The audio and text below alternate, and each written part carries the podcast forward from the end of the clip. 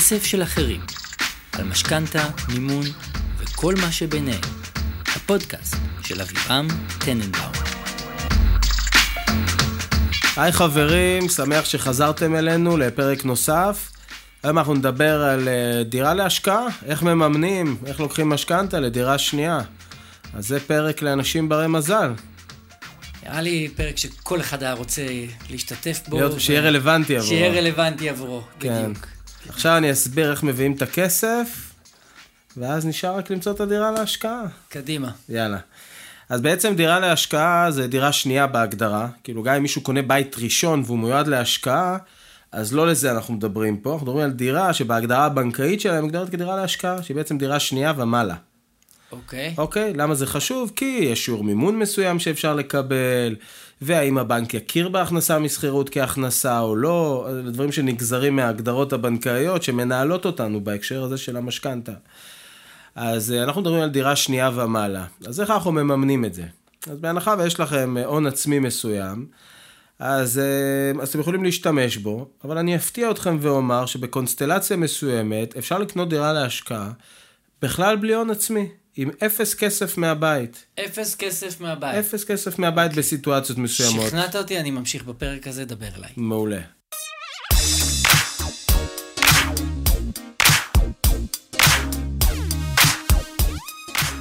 אז קודם כל אנחנו קונים בית. את הבית הזה, אלא אם יש בעיות ספציפיות שקשורות אליו, את הבית הזה אנחנו יכולים למשכן לטובת משכנתה. עכשיו, בגלל שזו דירה שנייה שלנו, אז לפי החוקים של בנק ישראל, אנחנו נהיה זכאים לקבל עד 50% מימון על אותה דירה. אז הבאנו בית במיליון, 500 אלף על הבית הנרכש, כבר אנחנו יכולים לקבל.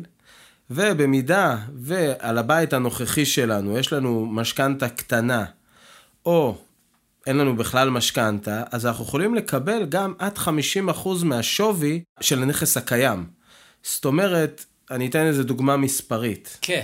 אם יש לי בית שלי ששווה 2 מיליון, עם משכנתה של חצי מיליון שקלים היום, ואני רוצה לקנות בית חדש במיליון שקלים, אז אני אוכל לקבל 50% על הבית שאני קונה, שזה 500 אלף, כן.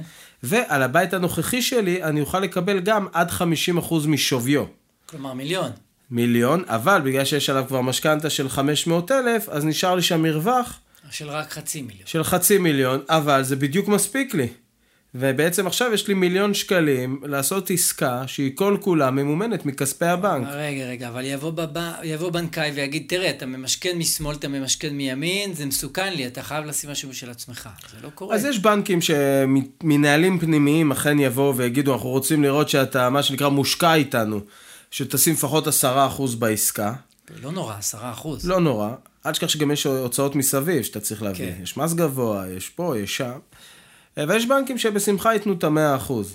גם אותו בנק שיבוא ויתעקש על עשרה אחוז, אם יש לנו מספיק קלפי מיקוח, גם את הדרישה הזאת נוכל להוריד במקרים רבים. אז עקרונית זה משהו שהוא אפשרי. אה, שוב, זה מאוד תלוי גם בכושר ההחזר, עם הכנסות טובות וזה וזה וזה, אבל ברמה העקרונית זה משהו שאפשר אה, לרוץ איתו, ושווה להכיר אותו. אה, זה ספר ההמשך, משהו לרוץ איתו. כן, משהו לרוץ איתו.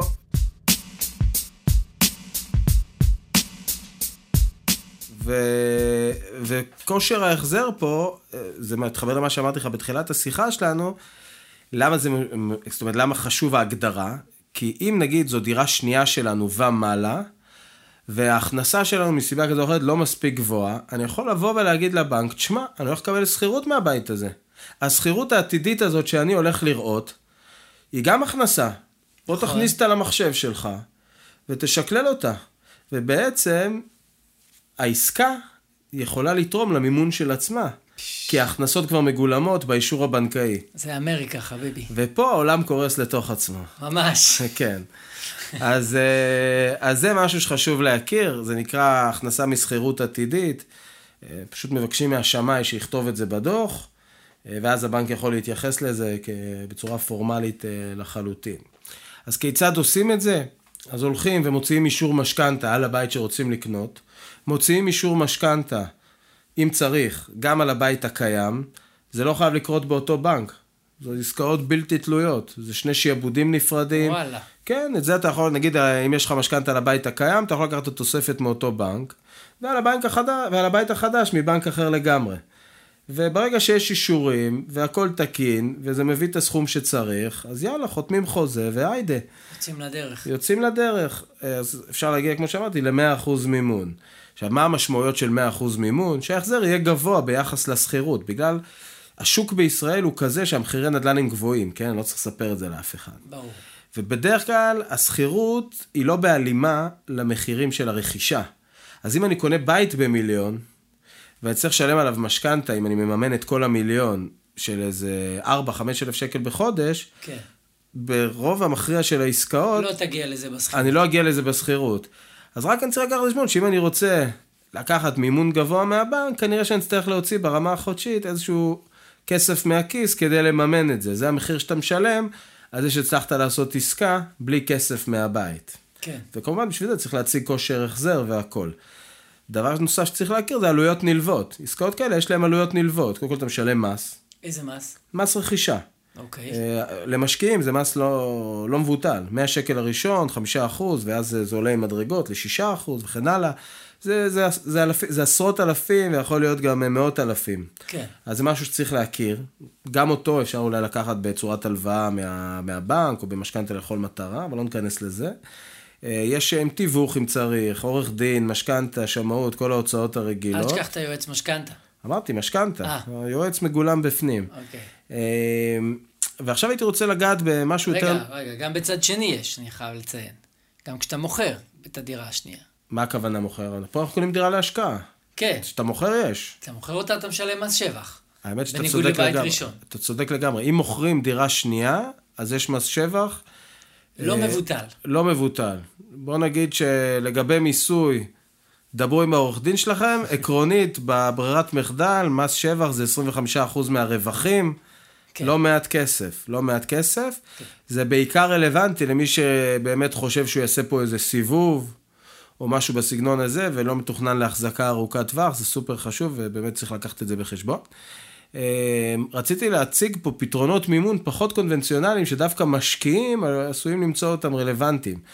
היום, בגלל שיש הרבה פריחה בשוק הנדל"ן, ויש הרבה כסף מסתובב בחוץ, אז יש פתרונות מימון מגוונים, כמעט לכל נישה יש איזה גוף או איזה קרן חוץ-בנקאית שיודעת לממן. אוקיי. ולמשקיעים יש היום פתרונות מעניינים. יש היום גופים, סתם, אני לא אנקוב בשמות, אבל רק כדי שאנשים יבינו את הגבולות גזרה, יש היום גופים חוץ-בנקאיים שאתה תבוא אליהם כמשקיע וייתנו לך 80% מימון ל-30 ו-40 שנה. 40 שנה, יותר ממה שהבנק נותן. 80% מימון. וואו, אוקיי, ומה כן. הם רוצים ממני בחזרה? כסף, לא איברים. בלי איברים. כסף בלבד. התחלה טובה. כן, ואפילו ריביות אה, הוגנות. אוקיי. לא ריביות של בנק, אבל הוגנות. חד ספרתי. חד ספרתי בטווח האמצעי פלוס של החד ספרתי, זאת אומרת, לא, גם לא תשעה אחוז. אוקיי. אז, אה, ויש עוד מגוון גופים חוץ-בנקאיים שייתנו הלוואות בלון וגישורים ומה שאתה לא רוצה, ואם יש לך עסקה שהיא סופר אטרקטיבית והיא מצדיקה הוצאות מימון לא מבוטלות, אז אפשר למצוא פתרון כמעט לכל דבר. אם העסקה טובה, ואם אתה לווה טוב, היום אפשר להביא פתרונות מימון סופר מגוונים, שבאמת יפתרו כמעט כל סיטואציה. מדהים. כן. רגע, אז איך אני מחפש בכל זאת? אל תנקוב בשמות, אבל מה אני כותב בגוגל? כאילו, איך אני מוצא את זה? פרדס ייעוץ פיננסי ומשכנתאות אתה כותב. יפה מאוד. כן. לא, אבל באמת, אם תרשום בגוגל פתרונות לדירה שנייה, מימון חוץ-בנקאי, גוגל, אתה יודע, יציף לך את הכל, ככה, על מגע של כסף.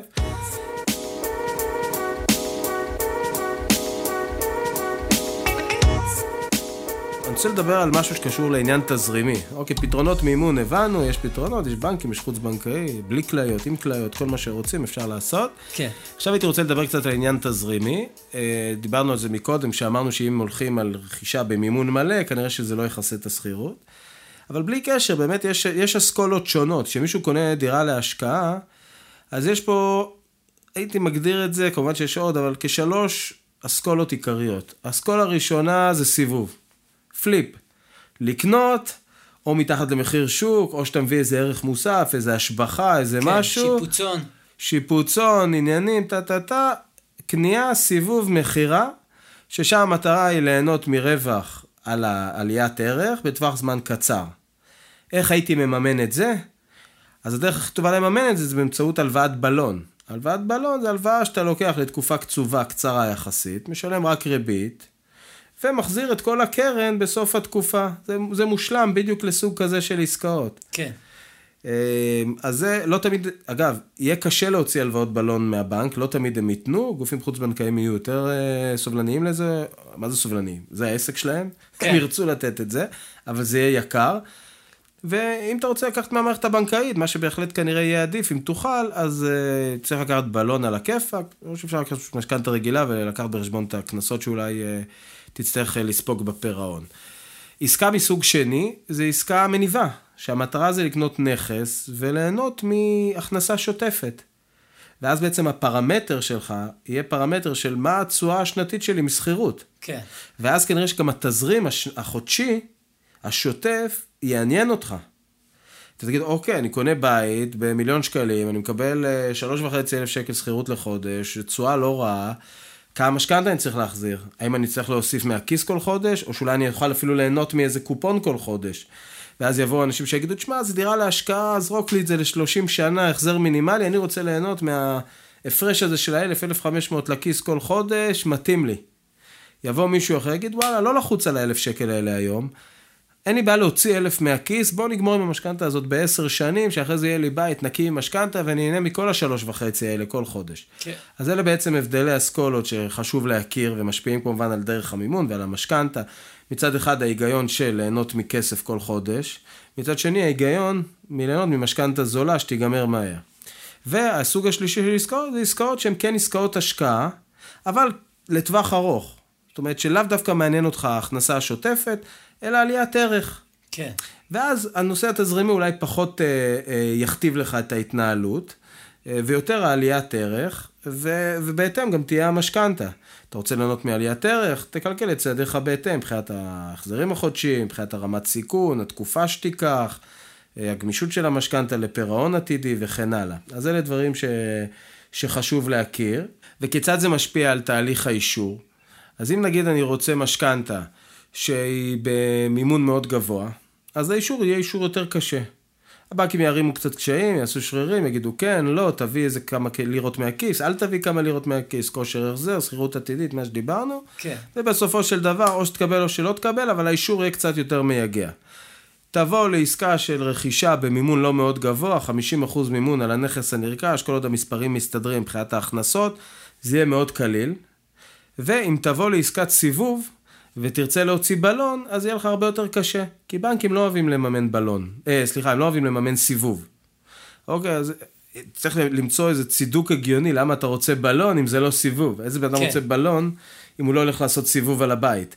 ואז יש מקום ליצירתיות, לא ניכנס לזה פה, אבל יש מקום ליצירתיות, אבל זה יהיה אישור שהוא גם יהיה אה, יותר קשה בגדול. מצד שני, אם אתה עושה סיבוב של כמה שנים ואתה משלם אחוזי ריבית טיפה יותר גבוהים, אבל זה לא עכשיו 30 שנה של ריבית יותר גבוהה, זה שנתיים-שלוש, אם זה הסיבוב שלך, אם זאת הכוונה. אתה מדבר על אפיקים חוץ-בנקאיים? כן.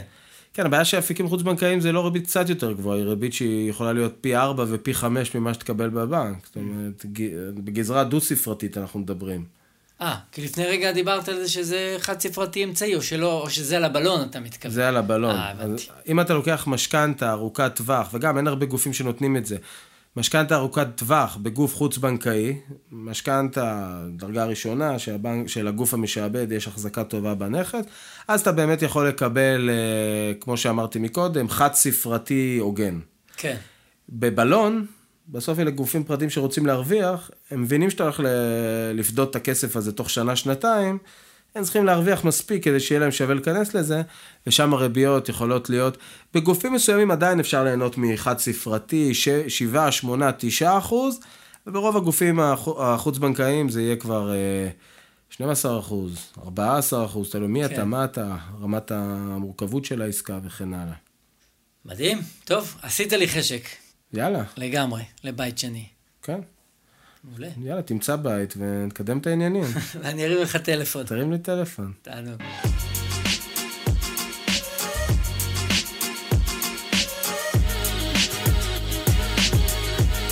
המושג היום שלנו זה מינוף. שהוא לאו דווקא, אגב, לעסקאות כאלה של השקעה. אוקיי. מינוף זה משהו שהוא רלוונטי בעצם לכל דבר שאתה נעזר בהלוואה בנקאית, שאתה משתמש בכסף שהוא לא שלך. מה זה מינוף?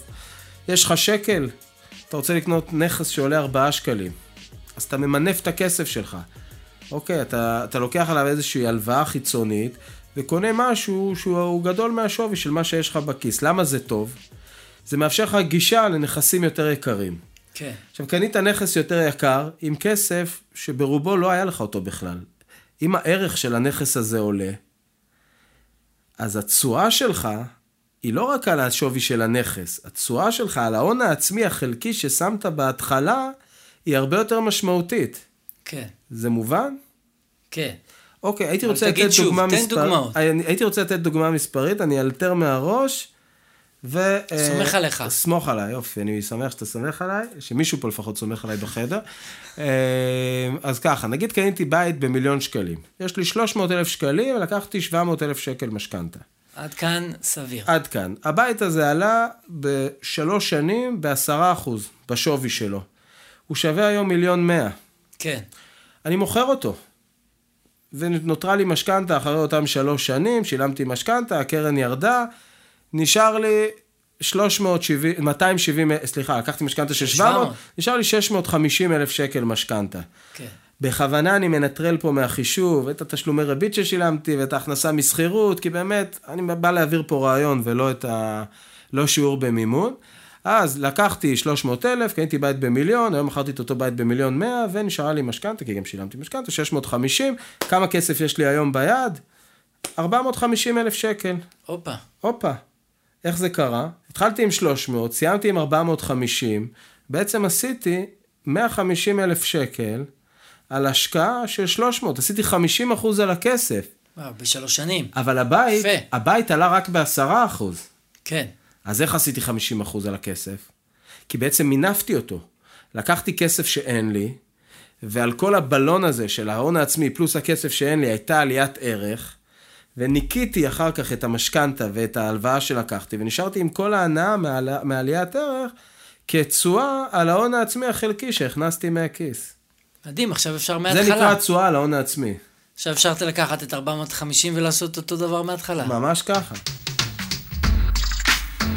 בהחלט עשית לי חשק גם בטיפ היומי וגם בפרק של מקודם. מה שנקרא, פרק לא לצרפתים בלבד, המפתח לדירה שנייה. כן, לא, יפה, אהבתי, לא לצרפתי. טוב, תשמע, אנחנו נתראה פה גם בפרק הבא שלנו. כן, אתה תזמין אותי? מה זה אני אזמין אותך? אתה מזמין אותי. אה, נכון, תכלס. אה, והפרק הבא שלנו, אני ארצה לעשות איזה סקירת שוק על הרבעון השני, שנת 21. הופה, כן, הייתי רוצה ככה פוסט קורונה, מקווים שזה פוסט. איך השוק מתנהג, מה קורה בבנקים, איך המערכת הבנקאית מקבלת את התקנות החדשות של בנק ישראל בעניין הפריים. אבל לא נרחיב, חשוב, זה יהיה כבר. בהמשך. מחכה לזה. יאללה, יאללה, מעולה. סלמת.